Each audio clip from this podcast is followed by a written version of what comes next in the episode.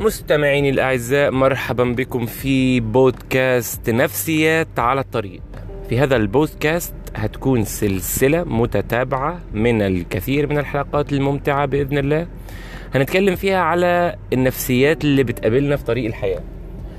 الناس نفسياتهم شخصياتهم سماتهم ومدى أثر هذه النفسيات على نفسيتنا الخاصة. في حلقة اليوم وهي الحلقة الأولى من نفسيات على الطريق خلونا نطرح الفكرة بشكل أساسي. غالبنا يا جماعة يعني ومعظمنا بيفكر دايما إن والله العيب فيهم. هم اللي سيئين. هم اللي عصبيين. هم اللي عملوا مشاكل. هم اللي ضغطوا عليا. هم اللي استغلوني. هم اللي ظلموني. لكن مشكلتي إن أنا طيب. مشكلتي إن أنا غلبان. مشكلتي إن أنا بثق في الناس بسهولة. مشكلتي إن أنا سمحت بالظلم إنه يحصل. مشكلتي وأظن وصلت لكم الفكرة. الحقيقة إن دايما وإحنا على الطريق طريق الحياة في المواقف وفي الأوقات المختلفة وفي المصاعب وفي حتى الأوقات الجميلة واللطيفة. دايما دايما بنوصف نفسنا بصفات جميلة جذابة رائعة هادية. وبنوصف الآخرين بصفات هجومية لربما تكون بنضع كل الصفات الصعبة فيهم وبنضع الصفات السهلة في أنفسنا. دايما شايفين إن إحنا حلوين وعسولين وأمامير وجميلين وسهلة الحياة معانا. ولكن الآخرين هم اللي فيهم مشكلة. هم اللي عندهم دايما بعض المشاكل. هم اللي دايما بيسببوا لنا مشاكل في حياتنا. هم سبب عصبيتنا سبب توترنا. هم سبب إحساسنا بعدم الراحة. سبب الزعل سبب الكآبة. هم سبب الوسواس سبب التوتر. هم سبب لكل شعور سيء في داخلنا. نفسيات على الطريق هيكون على الطريق بشكل فعلي. لأن في كل مرة هسجل هذا البودكاست هكون فعليا على الطريق. عملية السواقة وإنك تكون ماشي على الطريق وإنت متحكم في مركبة أكبر منك وأتقل منك وأكبر منك حجما يعني وزنا وعرضا ده بحد ذاته بيكون فيه نوع من ال يعني ال humbling feeling إن الواحد بيتصدم شوية وبيبقى له يعني إحساس يدعو إلى الاسترخاء وإلى خلينا نقول التفكير في الحياة بشكل مختلف. كتير لما يكونوا متوترين بيركب سيارته ويسوق في طريق ويفضل ماشي إلى أن يعني يأتيه الإحساس بالإسترخاء إلى أن يسترخي إلى أن يفقد ذاته ويفقد تركيزه. في هذا الطريق.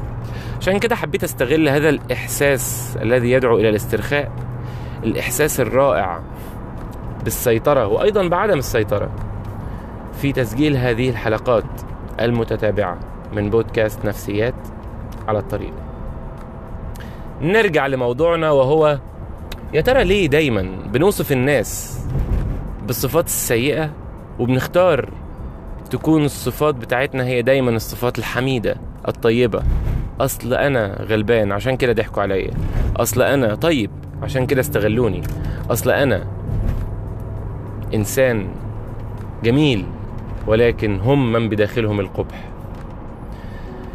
الحقيقة يا جماعة إن إحنا عندنا فكرة رئيسية عن أنفسنا.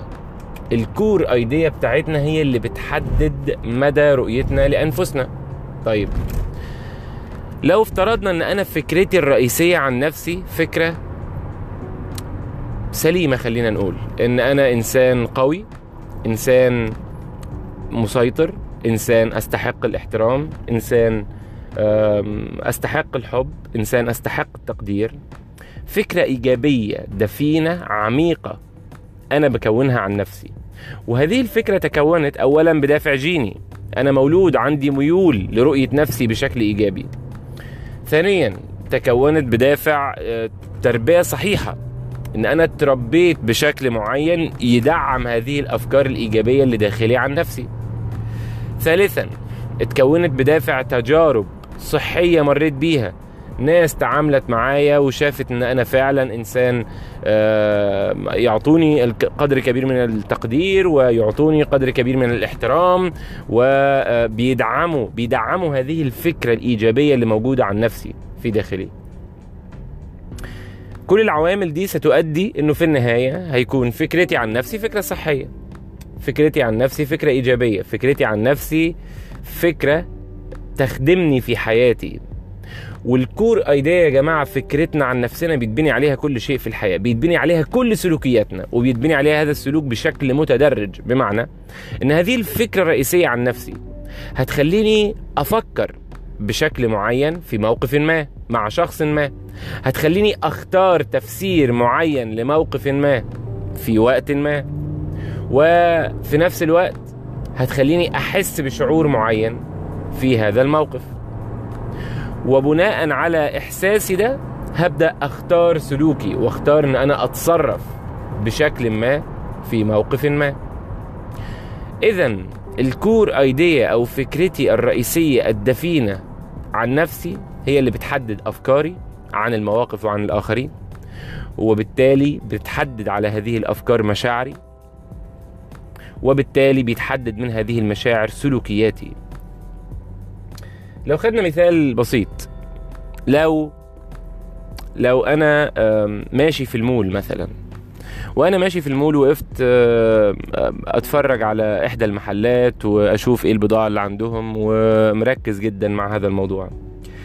وأنا واقف في المول شفت من بعيد security guard حارس جاي عليا حارس من ال mo من المول جاي عليا وجاي عليا بسرعة بيقرب بسرعة ووشه مش سعيد ويكون يكاد يكون frowny أو عابس كده الوجه وشكله عصبي وبيتحرك ناحيتي بسرعة شديدة جدا آه، وبيقرب بيقرب بيقرب بيقرب. وفي هذه اللحظة هنا إحساسي ممكن يكون توتر وخوف وقلق. أفكاري ممكن تكون آه، بدأت أرجع أنا عملت إيه غلط إيه اللي أنا غلطت فيه يا ترى هيعاقبني على إيه؟ لو فكرتي الرئيسية عن نفسي هي إن أنا إنسان أستحق العقاب إن أنا إنسان دائما بأخطئ إن أنا إنسان مت- متكرر الأخطاء إن أنا دايما عندي ميول لفعل شيء خطأ. وبناء على كل ذلك سلوكي هيكون إن أنا ممكن آه، أبدأ آه، آه، أفكر في إن أنا أبعد عنه أخد موقف دفاعي أفكر إزاي ليه هو بيقرب مني وأبدأ أبقى يعني حريص إن أنا دافع عن نفسي بشتى الطرق. وعلى آه، العكس تماما هيكون إحساسي بالأمان وبالسكينة وبالهدوء وهيكون آه، أفكاري عبارة عن آه، إن هو يا ترى هو بيقرب عشان يحميني من إيه؟ يا ترى هو هي إيه الخطر اللي أنا فيه اللي هو جاي يحميني منه؟ يا ترى ممكن يكون سقط مني شيء من أشيائي تليفوني أبوكي محفظتي وبالتالي هو جاي يرجعها لي أو جاي يبلغني إن أنا ضاع مني شيء معين وهو جاي يرجع لي أغراضي أو أشيائي مرة أخرى. وبالتالي سلوكي هيكون آه، وطبعا ده مبني على إن فكرتي الرئيسية عن نفسي هي فكرة إن أنا إنسان آه، الناس بتساعدني إنسان صح إنسان الناس عايزالي الخير الناس إنسان أستحق إن أنا أكون آه، في موضع آمن إنسان آه، عندي رؤية صحية عن نفسي مش خايف مش متوتر عندي إحساس دفين بالأمان في داخلي. وبالتالي سلوكي هيكون إن أنا بكل هدوء آه، هبتسم وبقرب عليه أكتر. أو هنتظر وجوده وأنا في غاية الاتزان. أو آم، آه، هبدأ آه، أشوف حواليا أتأكد إن مفيش خطر معين هو بيمنعني منه. وهنا الفكرة إن الكور أيديا بتاعتي فكرتي الرئيسية عن نفسي بتكون في الغالب كل أفكاري وكل مشاعري وبالتالي كل سلوكياتي. سعيد للغاية بالحلقة الأولى من بودكاست نفسيات على الطريق. شكرا لكم جميعا على الاستماع الأكثر من رائع. أتمنى تشاركوني بآرائكم في التعليقات وطلباتكم للبودكاست والحلقات القادمة. كان معكم دكتور أحمد مأمون وفي غاية السعادة بوجودكم جميعا. مع السلامة.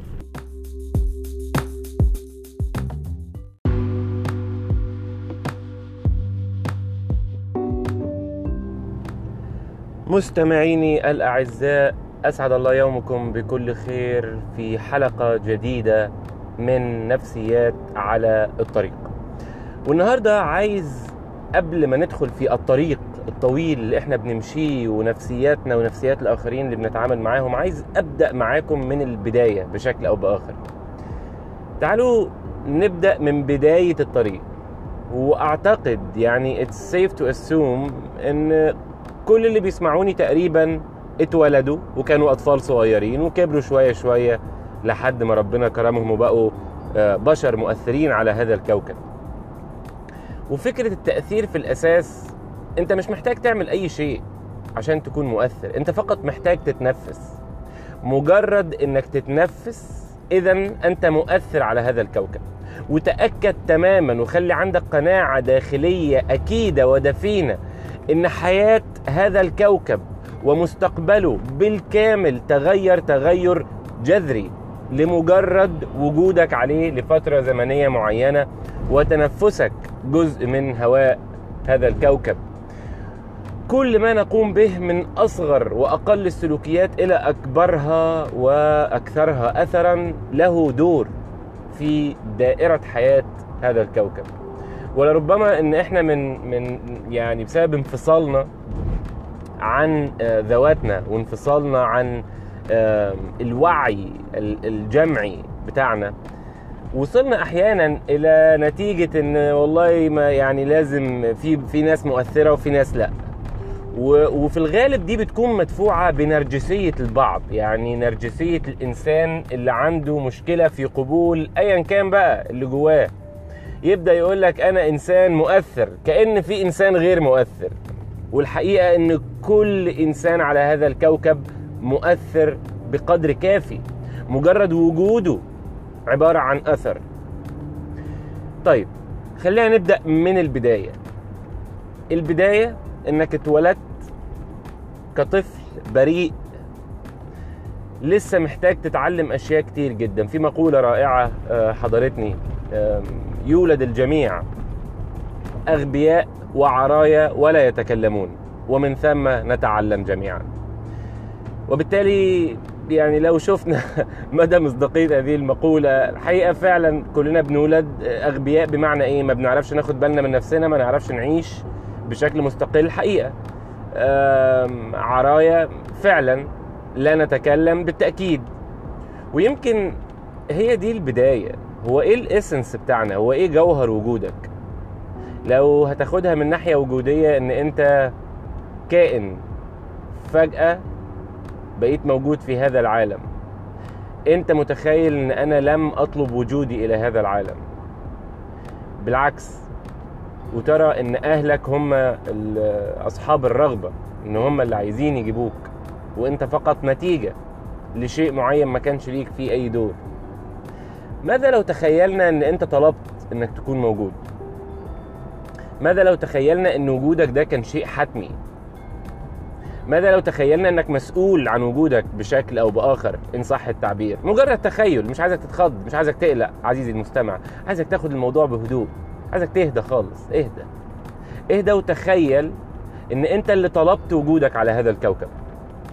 انت اللي كنت قاصد تكون موجود. انت اللي قصدت واخترت أبوك واخترت أمك. مجرد تخيل. ما تستعجلش ما تتسرعش ما تتخضش.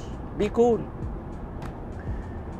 هل يا ترى هيبقى عندك نفس المشكلة مع بيئتك ومجتمعك وثقافتك اللي عندك دلوقتي؟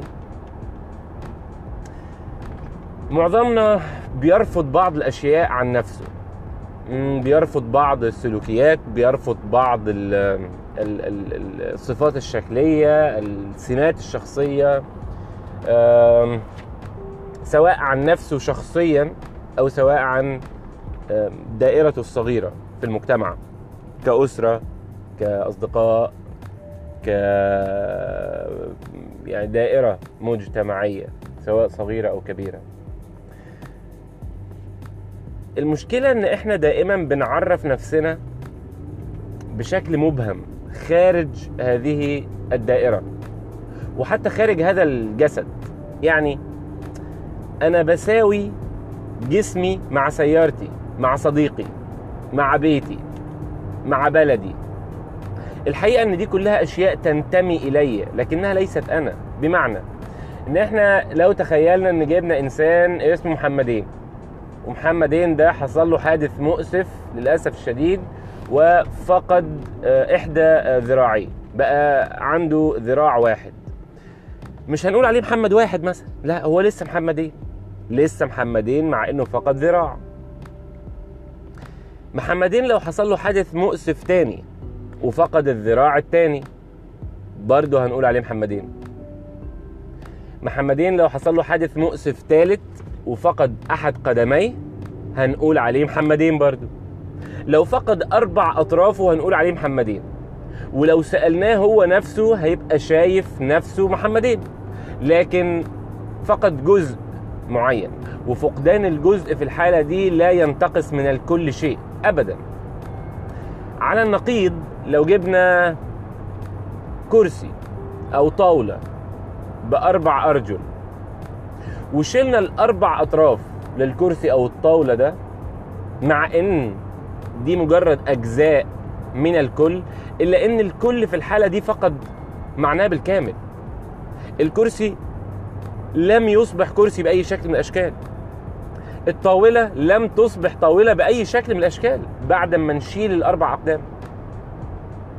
وهنا الغريب إن إحنا ككائنات حية بشرية بنعرف نفسنا بشكل أكثر عمقا من أي شيء آخر. عندنا مسميات مختلفة للأشياء الأخرى على حسب أجزائها وتعريفها الكلي لها وتكاملها مع بعض إلا إن بنعرف نفسنا بشكل غريب بشكل غير معتمد على أجزائنا ولا المجتمع بتاعنا ولا بناخد قيمتنا من أشياء خارجية لكن عندنا تعريف دفين لأنفسنا كأن جواك شيء معين اللي هو انت. منفصل عن كل شيء آخر وفي نفس الوقت مرتبط بكل شيء آخر. كأن لما بتشوف نفسك بتشوف نفسك كامل بكل ما انت عليه ومتداخل بكل ما انت عليه ومع ذلك منفصل عن كل ما انت عليه. رؤيتنا لأنفسنا هي ذلك الإحساس إن أنا موجود ورا عيني وما بين أذني. لكن لما ببدأ أشوف نفسي يعني أشوف صدري بطني يدي قدمي بعرف هذه الأشياء على إنها أشياء تنتمي إلي. في الحقيقة إحنا عمرنا ما بنشوف نفسنا بشكل واضح. لو قلت إن أنا بشوف نفسي في المراية أو في في المرآة ده مجرد انعكاس لنفسك لكن ده مش انت تماما بأي شكل من الأشكال. دايما عندنا تعريف دفين لأنفسنا إن إحنا اللي في المنطقة دي اللي ورا العين وبين الأذنين. ده المكان اللي إحنا شايفين فيه نفسنا. أي حاجة تانية بره بتنتمي إلي تخيل كده إن أنت بتعتبر أجزاء جسمك زي ممتلكاتك. يعني عندك ذراعك زي سيارتك. الاتنين ممتلكاتك. طب انت مين؟ بتعتبر صديقك زي نفسك زي روحك. كلها أشياء تنتمي إليك. طب انت فين؟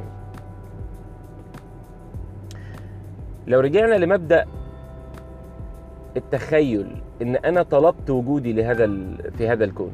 وأنا كنت مسؤول عن آه عن عملية ولادتي ونشأتي بشكل أو بآخر. بدل من ما بتخلص من المسؤولية تماما وأقول إن أنا نتيجة لرغبات أمي وأبويا وأعفي نفسي تماما من مسؤولية وجودي على هذا الكون لو فقط تخيلنا زي ما قلنا. تخيل إن أنت من وقتها لحد دلوقتي وأنت بتجمع بتجمع أجزاء من جسدك. أنت ما اتولدتش وأنت وزنك 70 80 كيلو. لا أنت اتولدت حاجة بسيطة خالص كده صغنون كده وعسول. وعلى مر أيام وأسابيع وشهور وسنين بدأت تجمع في جسمك كل شيء كلته من وأنت طفل لحد دلوقتي كان فيه نوع من أنواع التجميع لخلايا جسمك. انت جمعت نفسك على مدار سنين حياتك كلها. جمعت جسمك من كل شيء أكلته من كل نشاط عملته.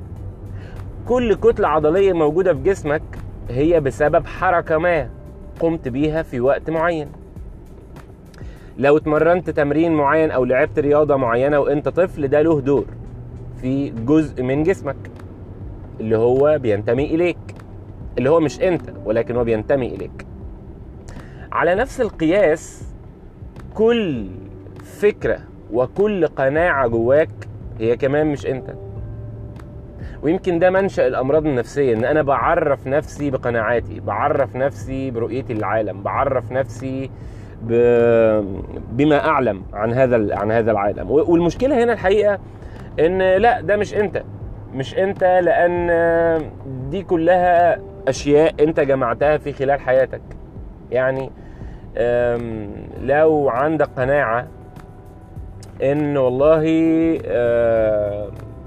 اللون الأحمر هو لون أحمر ده مجرد معرفة أساسية. أنا عارف إن اللون ده اسمه أحمر وأول ما بشوفه بيطلع في بالي كده إن والله ده أحمر. مجرد وجود هذه المعرفة ده مش دليل على على إن أنت اللي ابتكرت هذا الشيء وإنما دي معرفة أنت جمعتها. لو شايف إن في فئة معينة من الناس عندهم صفة معينة والله المجموعة الفلانية من الناس الجنسية الفلانية الطائفة الفلانية عندهم الصفة الفلانية. والله ده مش نتيجة لشيء إلا لتجربة سابقة أنت مريت بيها. شخص آخر ممكن يكون عنده تجربة مختلفة تماما. وبالتالي افتراضك وتعميمك على كل مجموعة البشر دول إن هم كلهم عندهم نفس الصفة أو ما شابه ده ليس إلا مجرد تجربة سابقة أنت مريت بيها. كل رؤيتك لنفسك الأشياء اللي بتقول فيها أنا ضعيف أنا قوي أنا مسيطر أنا مش عارف إيه كل ما يتبع كلمة أنا هي مش أنت هي أشياء أنت جمعتها على مدار السنين. وبالتالي اللي بيرى نفسه ذكي ده بس كان محظوظ إن هو وهو طفل كان عنده أب وأم أو مدرسة أو مدرس قال له والله أنت ذكي وأنت شاطر وأنت ما شاء الله عليك. واللي بيرى نفسه غبي ده أيضا كان جمع في يوم من الأيام هذه المعرفة إن حد قال له هو طفل والله أنت غبي. وبدأت تترسخ هذه المعلومة في داخله. المقصد إن أنت كإنسان جسديا ونفسيا في الحالتين أو في في الطبيعتين الخاصين بك سواء نفسيا أو جسديا انت جمعتهم.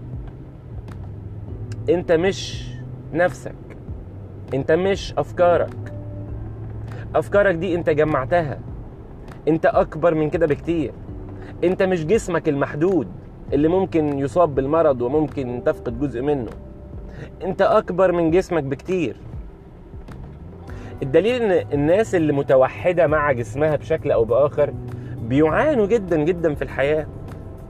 دايما بيقيم نفسه بناء على شكله الجسدي بيدي الملابس بتاعته قيمة أكبر من حجمها بي لو أصاب بوعكة صحية بسيطة ممكن حياته كلها تقف عند هذه الوعكة.